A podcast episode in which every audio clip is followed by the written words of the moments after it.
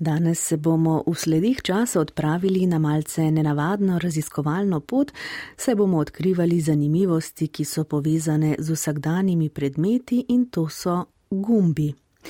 Leta 1931 so v gumbih zapisali naslednje. Ko so ljudje začeli pridobivati razne kovine, so začeli iz kovin izdelovati tudi kovinske zaponke, ki so jim držale skupaj njihova oblačila. Takih starinskih zaponk, ki so zelo podobne našim varnostnim iglam, so izkopali tudi že pri nas precej iz starorimskih ali pa še iz starejših grobov. Nagumbe v današnji obliki so iznašli šele dosti poznaje, izdelovali so jih iz najrazličnejšega materijala, tudi iz zlata, srebra in dragih kamnov, pa tudi iz porcelana in stekla. Umetniško izdelovanje gumbov je doseglo v Evropi svoj vrhunec v 17. in 18. stoletju. Kot bomo slišali, pa so gumbi postali tudi odlikovanje za hrabrost. Več torej v odaji sledi časa, njen avtor je Milan Trobič.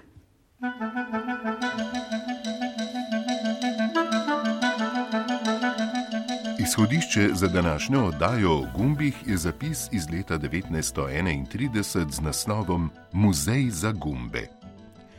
Tako izvemo, da je zgodovina gumbov do neke mere tudi zgodovina naše kulture. Od prvotnih gumbov pa do današnjih je bila zelo dolga pot. Ta pot je obenem tudi zgodovina razvoja našega rokodelstva. Največja zbirka gumbov je bila leta 1931 v Pragi. To je bil pravcati muzej za gumbe, ki ga je uredil fabrikant gumbov Henrik Voldes. V tem muzeju so hranili zares umetniška dela te vrste. Na gumbih so bile naslikane čisto majhne slike raznih gradov in portreti. Na nje so slikali tudi razne živali, od kanarčkov, mačk, konskih glav do psov in papig. Na dvoru francoskega kralja Ludvika XIV. je bila navada, da so nosili gumbe iz stekla, v katere so bile ulite razne živali, celo bohe. Nosili so pa tudi gumbe, kjer so bile vdelane male ure, slike in podobne malenkosti. Takih gumbov seveda niso nosili reveži, ampak samo imenitni in bogati ljudje. Tako v zapisu, kaj pa pri nas? Najprej smo o pomenu gumbov poprašali Marka Ličino, kustosa v muzeju novejše zgodovine v Ljubljani. Gumbi so v bistvu zelo zanimiva zadeva. Ne?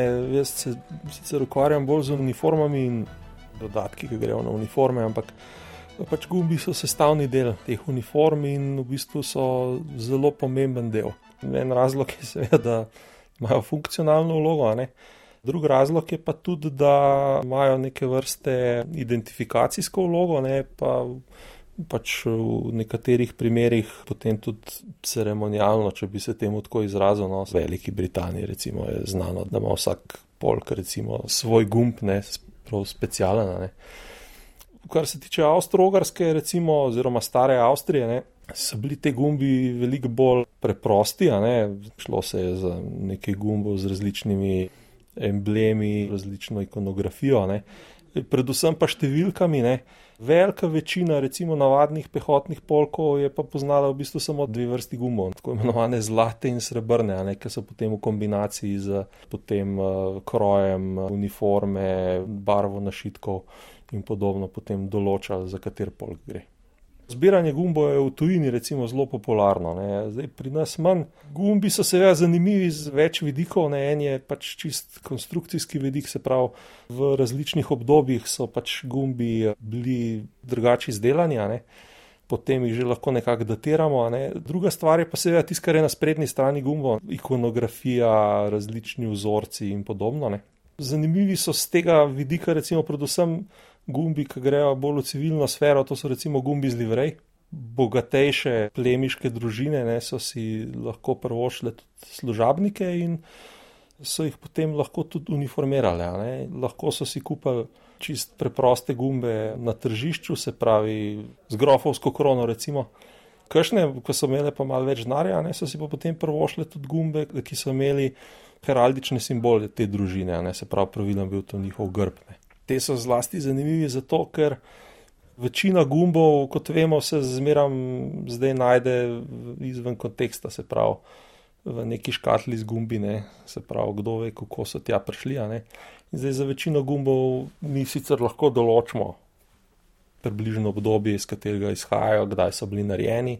Za nekatere lahko tudi določimo, da so, so vojaški ali so civilni. Redkeje se pa potem lahko določi točno, katera enota recimo, je nosila te gumbene. Samo za določene sedane. Dočim pri gumbih, ki so bili včasih na livrejah, pa se veja zaradi grbov, da raziskata, ne se pravi točno, kateri plemiški družini so pripadali. Ne, tako da, da je mogoče še zelo zanimivo. Ne. Tujini je to precej popularen hobi, ne, nekateri gumbi tudi čast malo za hec pogledam po internetu, dosegajo tudi eh, nore številke. Definitivno je to zelo zanimivo področje, ker se da pravzaprav marsikaj izvedeti iz enega tako relativno mehkega in nepomembnega predmeta. Ne.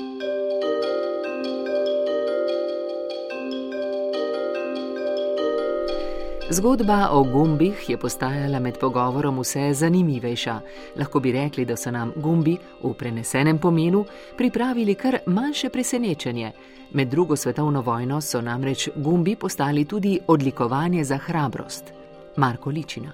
Pri delu, ki ga upravljamo v muzeju, ne, ki se tiče bolj 20. stoletja, je mogoče najbolj zanimiv gumb družine Auersperg, turjaških ki pa pravzaprav ni gumb, ampak je predelan oziroma je del odlikovanja. Ne?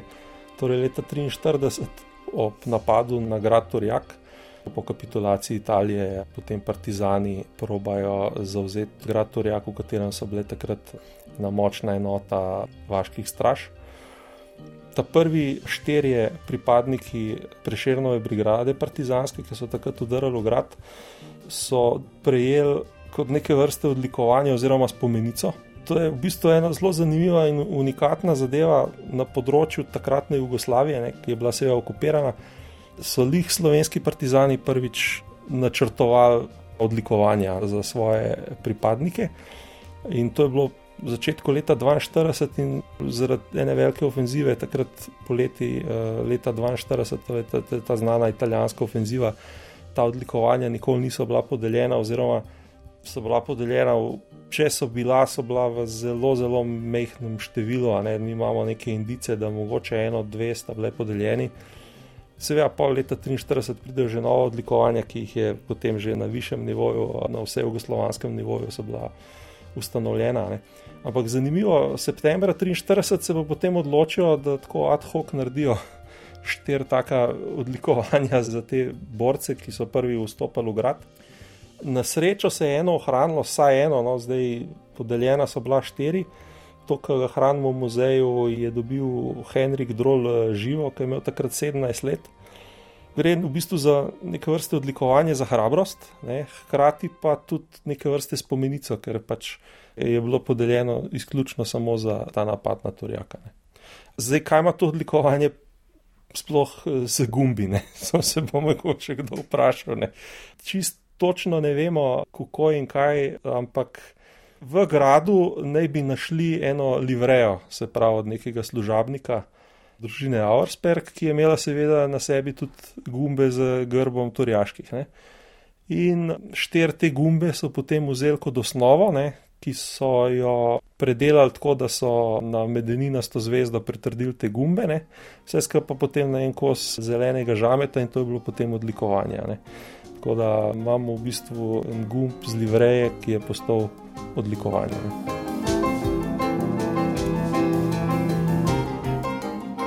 Pa smo iskali naprej. Obrt izdelovanja gumbov je bila zelo razvita tudi v naših krajih. In tako smo stopili v stik z Natašo Dolejši. Izdelovanje gumbov ali gumbarstvo se je v družini Dolejši začelo na Češkem, nam je povedala Nataša Dolejši, so lastnica in direktorica istoimenskega podjetja. Njihov dec se je tam izučil obrti in po triletni vajenski dobi je leta 1931 z odliko naredil mojsterski izpit. Tema njegove naloge pa je bilo izdelovanje gumbov iz školk in biserne matice. Leta 1938 se je potem na pobudo najbrž čeških, pa tudi drugih lastnikov tekstilnih tovarn v tedajni kraljevini Jugoslaviji preselil v Slovenijo, v Ribnico na Dolenskem. Tam je na neki kmetiji našel prostor za svojo obrt, ga najel, postavil stroje in začel delo. Spoznal je domačo hčer, ki je začela delati v tem obratu, in pozneje se je z njo tudi poročil. Zgodba pa je šla naprej, pove Nataša Dolejši. V času vojne je sama proizvodna mirovala, je pa bil žalosten slučaj, ali kako bi človek to imenoval. Namreč nekega dne so v delavnico prišli italijanski vojaki in odnesli vse stroje. Tako da po drugi svetovni vojni dejansko dedek ni imel strojnega parka za izdelovanje gumbov, so se pa v Kamniku združili še z dvema obrtnikoma. Eden od njiju je bil zagotovo tudi češkega rodu, po prijimku sodeč, in so takrat tam v Kamniku ustanovili državno podjetje za izdelovanje gumbov. Ko je dedek usposobil ljudi v Kamniku, so ga načrtno selili z družino v Šoštan.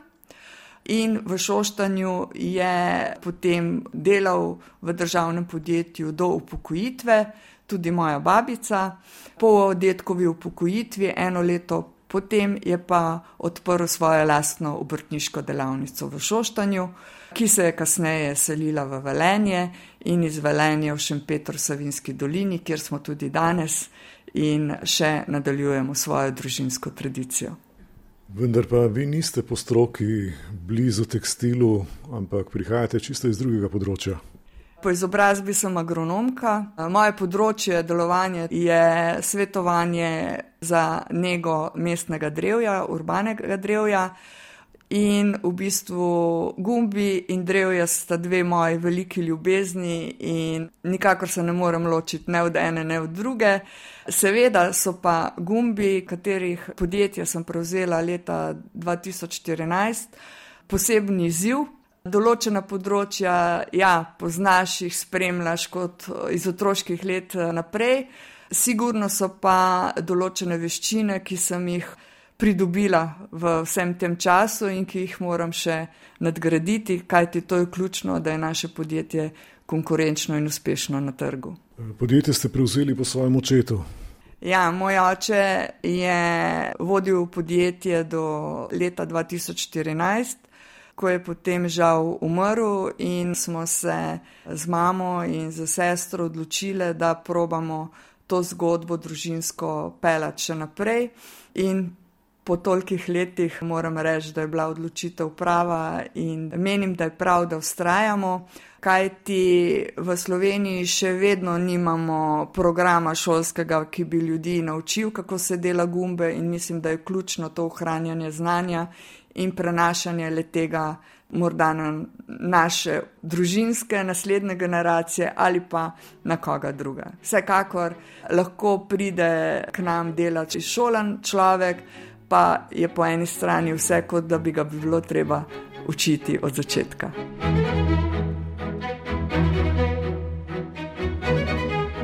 Kaj pa so gumbi? Vsi jih poznamo, pa vendar jih ne. Ko ljudje spoznajo, kaj vse je potrebno, da nastane en gumb, so vsi presenečeni. Nataša Dolejši.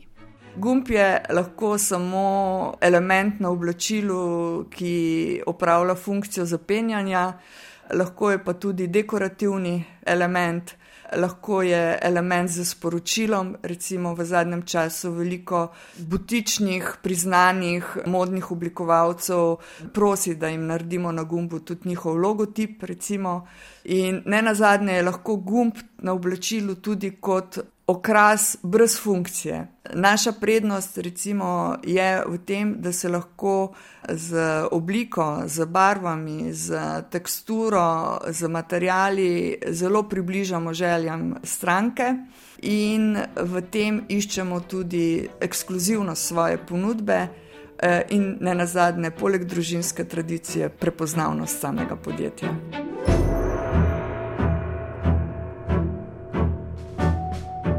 Kakšen je proces nastajanja gumba?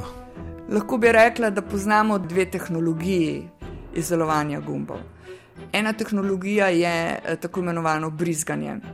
Pri brizganju gre za to, da ima proizvajalec orodje, ki ima definirano obliko in v to orodje se brizga plastika. To je podobno, kot ko smo bili otroci, smo delali potičke iz peska, smo imeli pač neko posodico, noter dali milko, jo prekusnili in je ta potička iz milke dobila svojo obliko. Pri tehnologiji brizganja je težava v tem, ker so sama orodja zelo draga in zato je potrebno, da se določene količine gumba naredi res v velikih količinah. Zato so oblike teh gumbov ponavadi zelo enostavne in veliko krat gre za gumbe, ki se uporabljajo bodi si na posteljnini ali pa na delovnih oblečilih. Ni toliko modnih gumbov na področju brizganih gumbov. Te tehnologije mi nimamo. Mi imamo tehnologijo struženja. To pa pomeni, da ulijemo material, plastiko, mi dobimo plastiko v tekočem stanju, v sodih in jo z določenimi dodatki, trdili, barvami in še določenimi dodatki, odvisno kakšno strukturo materijala želimo doseči, ulijemo v plošče. Iz teh plošč izrežemo krokce, žetone. Ti žetoni, mi jih imenujemo rundela, grejo potem na stroj, kjer se z struženjem definira oblika sprednjega dela in zadnjega dela gumba, torej lice in hrbet, in eh, hkrati se naredi največkrat tudi lukne, se pravi dve, štiri. Imamo pa tudi posebne gumbe s petimi ali pa tremi luknjami, pač kakršne je zahteva. Potem pa je postopek poliranja pri poliranju damo gumbe v boben in sicer prva faza, tako imenovano makropoliranje, kjer v bobnu s keramičnimi kockami, vodo in določenimi polirnimi praški vrtimo gumbe in jih poliramo 12 ur. Potem po 12 urah speremo gumbe, dodamo še eno tekočino in jih še 4 ure v bistvu vrtimo. To je zdaj lahko zaključen postopek, če pa želimo dobiti visok sijaj gumba, grejo pa gumbi še v suho poliranje, to je pa poliranje samo v mediju lesenih kock in določenih polirnih past, in dolžina je lahko spet od par minut pa do par ur. Če pa delamo gumbe v mat izvedbi, je pa v bistvu prvi postopek poliranja malce krajši. No, potem pa sledi lahko še faza površinskega barvanja, torej če eh, ni barva zdefinirana že pri sami pripravi materijala, se lahko gumb tudi površinsko pobarva. In pri nas imamo tudi opcijo laserskega graviranja, to pa pomeni, da na gumb naredimo lahko določene vzorce, napise, logotipe. Zadnja faza je seveda kontrola kvalitete, prebiranje, sortiranje, pakiranje in odpošiljanje gumbov.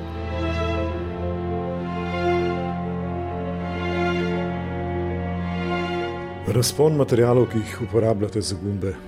Približno 5% gumbov na letnem nivoju prodamo tistih, ki so narejeni iz naravnega materijala, vse ostalo pa so gumbi iz plastike, iz tako imenovanega poliestra. Od naravnih materijalov izdelujemo gumbe iz lesa, največkrat iz olčnega lesa, iz preprostega razloga, ker so ti gumbi pralni, torej olka je les, ki raste zelo počasi, je zelo kompakten.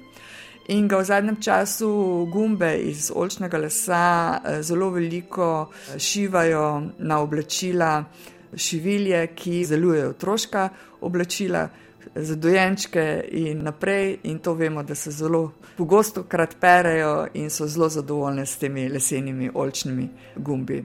Potem imamo tudi ponudbo gumbov iz školk. Občasno, če dobimo rogovje srnjadi in jelenjadi, izdelamo tudi ročno gumbe iz rogov.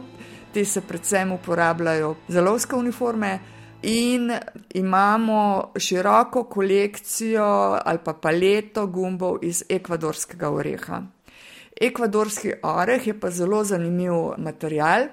Gre za koščice ekvadorske palme, Plot te palme ne raste v krošnji, ampak pri vznožju debla in je velik približno tako kot nogometna žoga, noter ima pa 10 do 15 trdih koščic, ki imajo velikost recimo krompirjevega gomolja. Ekvadorski oreh domačini uporabljajo za eh, gumbe, za razno razne eh, mini kipce, turistične spominke, za elemente za nakit. In pred več kot 25 leti jih je v eni kolekciji na moška oblačila dal tudi modni oblikovalec Armani in od takrat naprej so gumbi iz ekvadorskega oreha pokazatelj, da gre za oblačilo višjega cenovnega razreda, više kvalitete. Meni zelo draga zgodba okoli ekvadorskega oreha je pa ta, da v Ekvadorju plantaže teh palm dejansko načrtno gojijo prav za pridobivanje pač teh koščic in materijala, in se s tem posledično vpliva tudi na to, da se ohranja deževni gost.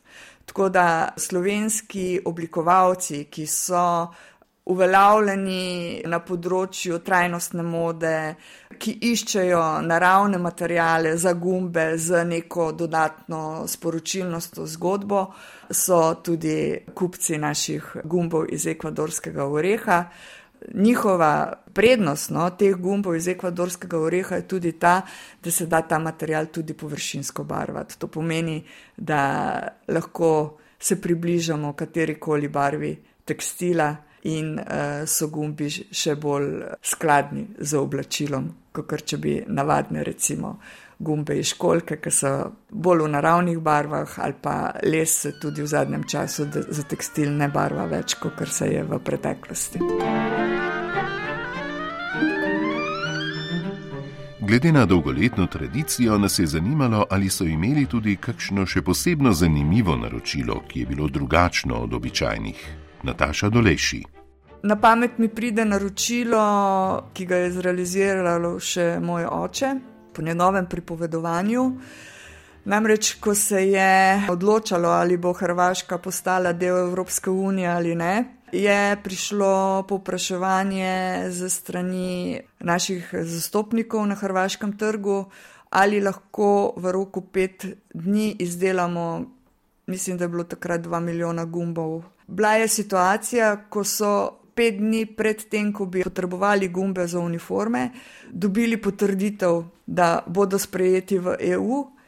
In takrat vem, da so delali vsi zaposleni cele dneve, celo noči tistih pet dni, in da je bila pošiljka pripravljena pravočasno, in se je vse lepo izteklo. No. To je bil en tak, bom rekla, količinski in časovni izziv. Seveda je pa vsaka stranka, ko pride z zamislijo, svoj vrstni izziv, da vidimo, kakšne so možnosti, kje so opcije, in uh, vsak dan sproti rešujemo neke izzive in probamo narediti gumb in se z izdelkom približati temu, kar si je stranka zamislila. Kaj vam osebno gumb sporoča? Najprej, kar jaz opazim, je barva in recimo velikost ker poznam naše pretekle kolekcije, lahko tudi včasih po obliki gumba zdefiniram, iz katerega obdobja je določeno oblačilo. Recimo, to pride do izraza, ali pa je zelo zanimivo, ko smo se pred korono še malo več družili, a ne pa greš, ne vem, v gledališče, so gospe v kostimih, a ne in lahko tako na hiter rečeš, aha, tale je nov, tale je že 15 let tako malo šali povedano, ampak tudi po gumbih lahko prepoznaš, ne, približno iz katerega obdobja je določeno oblečilo, čeprav se tudi pri oblačilih moda ponavlja s časoma. Recimo to vidim pri sebi ali pa jaz se zelo težko ločim od eh, kakšnega oblačila ga pa spremenjam včasih na ta način, da, da dam gor druge gumbe. Dejstvo je, da je gumb pika na i pri vsakem oblačilu. Ne. To se tudi večkrat menimo z botičnimi šiviljami, ko točno vedo, so naredile neki izdelek in zdaj, če gumb ni ta prav na vrhunskem izdelku, pokvariš cel izdelek. Ne. In dejansko je potreba, da izdelek zaključiš z gumbom, ki res naredi piko na i na samem izdelku.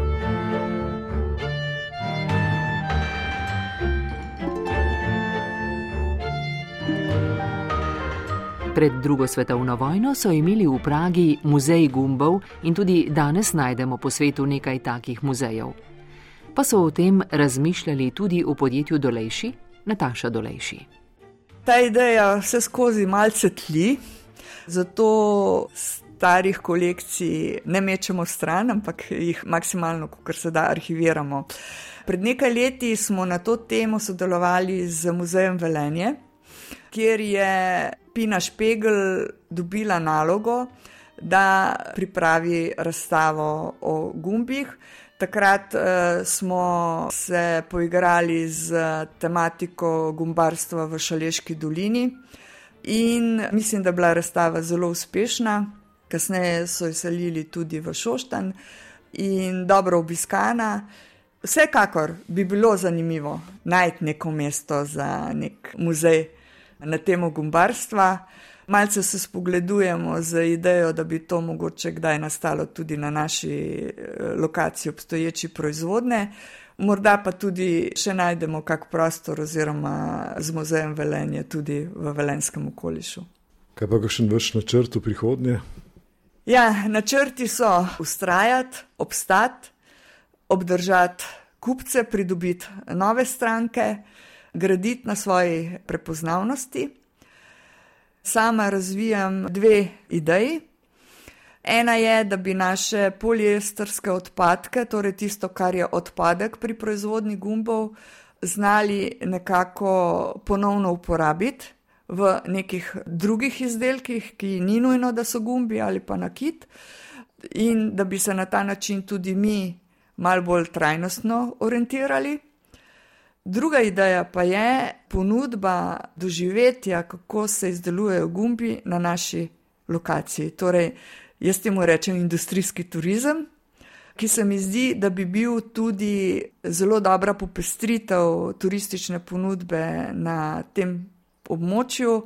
Ne na zadnje smo v neposrednji bližini jame Pekov, zelo blizu fontane Piv v Žavcu, rimske nekropole upam, da bomo uspeli v prihodnosti dodelati ali pa raziskati še nekaj zgodb nekdanjih tekstilnih podjetij v neposrednji bližini.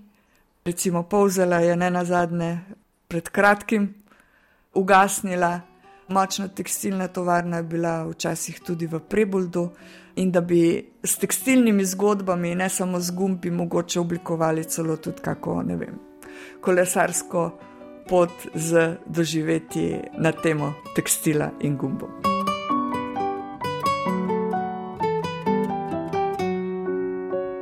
Izdelovanje gumbov je zelo zaznamovalo družino Dolejši. Skozi čas so bile razmere na trgih enkrat težje, drugič lažje, vendar pa jih ta negotovost ni potrla. Ostali so zvesti svoji obrti, čeprav pa usile niso bili neposredno upeti v proizvodnjo. Tako pot je imela tudi Ljudmila Dolejši, mama sedanje direktorice in solastnice podjetja Nataše. Ko sem začela prihajati v Dolejšijevo družino, sta bila takrat fantova, kasneje moževa, starša zaposlena v šoštanski gumbarni. In nekaj let po tistem, ko sem ju spoznala, sem začela živeti širše družinsko njihovo življenje. Po nekaj letih od tega, ko smo se spoznali, sta starša odšla v pokoj in oče od mojega moža je imel že za časa svoje redne službe v Šoštanski gombarni željo, da bi, ko bo odšel pokoj, še nadaljeval s delom z gumbi, ker je to očitno zelo rad počel in zelo uspešno tudi. Pa si je najel eno majhno hiško v bližini in njej začel z manjšo proizvodno gumbov. Ker je pa bil velik strokovnjak in najel si je tudi svojega dobrega prijatelja, da je potem gumbe, ki jih je ta eh, njegov prijatelj, tudi ponudil na trgu. In oba sta začela to s takim uspehom, da je po nekaj letih potem ta začel razmišljati, da je njegova delavnica premajhna in da bo treba pripraviti za delo eh, večji prostor in je potem prišel tudi do tega, da je v Velenju zgradil delavnico in skupaj s svojimi tremi otroki tudi hišo. In dela je bilo skozi zelo veliko, tako da smo vsi, ki smo v tisti hiši potem stanovali in prihajali na obisk staršema, poklepetali ob jedilni misi, zraven smo pa tudi delali, vedno jima pomagali, ker sta delala takrat še sama tudi v tej novi večji delavnici. In pa ja, takrat je bil potem v novi delavnici z njima že tudi njun najmlajši otrok, ki je kasneje za njima prevzel potem to izdelovanje gumbov. In skozi smo živeli zelo povezano, pomagali drug drugemu, in eh, bilo je zelo lepo, ampak stalno se je mudilo, mudilo, mudilo. Zato je bilo zelo pestro, potem, kar so naredili v novi delavnici, je bilo treba tudi na trg odpeljati, tako da smo živeli, bi rekla. Eh, jaz sicer nisem nikoli bila zaposlena pri tej dejavnosti, ker sem imela drugo službo, ampak vedno, ko je bilo treba kaj pomagati, sem tudi pomagala, tako kot ostali člani širše družine.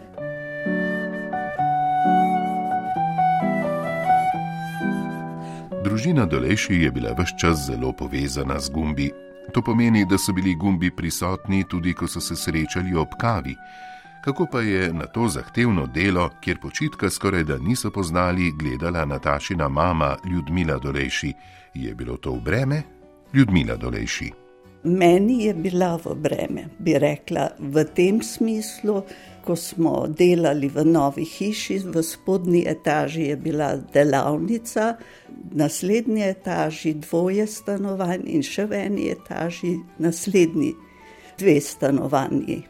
In ko sem prihajala iz službe, ker takrat, ko so delali lesene gumbe, je bilo prahu toliko več, ker je iz delavnice, ker na skupni hodnik eh, so bila vrata in je pač prah, ki se pri proizvodni pojavlja, eh, potem prišel na hodnik, potem, ko je bil mož zaposlen že v tej dejavnosti, je do povdne delal v delavnici, vmes je bilo treba iti na malico in je prišel pač v banduri, tudi v stanovanje in skupaj z banduro in njim tudi prah, tako da me je motilo, ko sem iz službe prihajala, da, da sem morala v akcijo, ker eh, sem zelo rada v čistem in neprašnem živela, da sem poskrbela, pač, da je bilo v stanovanju tako, kot sem si želela. In ob tistem času, ko je bil mož pri tej dejavnosti, sem čutila skoraj da potrebo, da bi bila doma tudi jaz. Ampak se za to nisva nikoli odločila, zaradi tega, ker je v gombarstvu bilo vedno tako. Veliko krat po drugi svetovni vojni sem tako slišala od tasta in tašče, kako je bilo gombarstvo od časa do časa v šoštanju, kjer sta delala v krizi, da so bile plače nizke ali pa jih včasih sploh ni bilo po 50. letu, naprimer 1950. Zato eh, se vsaj mi dva z možem nisva odločila, da bi oba delala v tej proizvodni. Pa še malce hudomušno vprašanje, ali se, ko srečate dimnikarja, primete za gumb? Sem se včasih v mlajših letih, ja, zdaj pa že dolgo se mi zdi, da ni bil tak trenutek, da bi prijela za gumb. Ne vem, zaradi česa. Mogoče ne potrebujem te potrebe, ali kaj, da sem tudi brez tega zaenkrat dovolj srečna in zadovoljna s svojim življenjem. Spoštovane poslušalke, cenjeni poslušalci, to je bila oddaja Sledi časa o gumbih. In ko se boste mogoče kdaj nevede prijeli za gumb, ko boste srečali dimnikarja, se spomnite, kako bogato zgodovino imajo gumbi. Avtor oddaje Milan Trubič, glasbeni izbor Rudi Pančur, tonska obdelava Franci Moder, povezovalca Ivan Lotrič in Maja Mol. Odajo lahko spet slišite na spletni strani prvi.rtvslo.si, kjer najdete tudi zapis in fotografije. Na voljo pa bo tudi v vaši aplikaciji za podkaste. Srečno!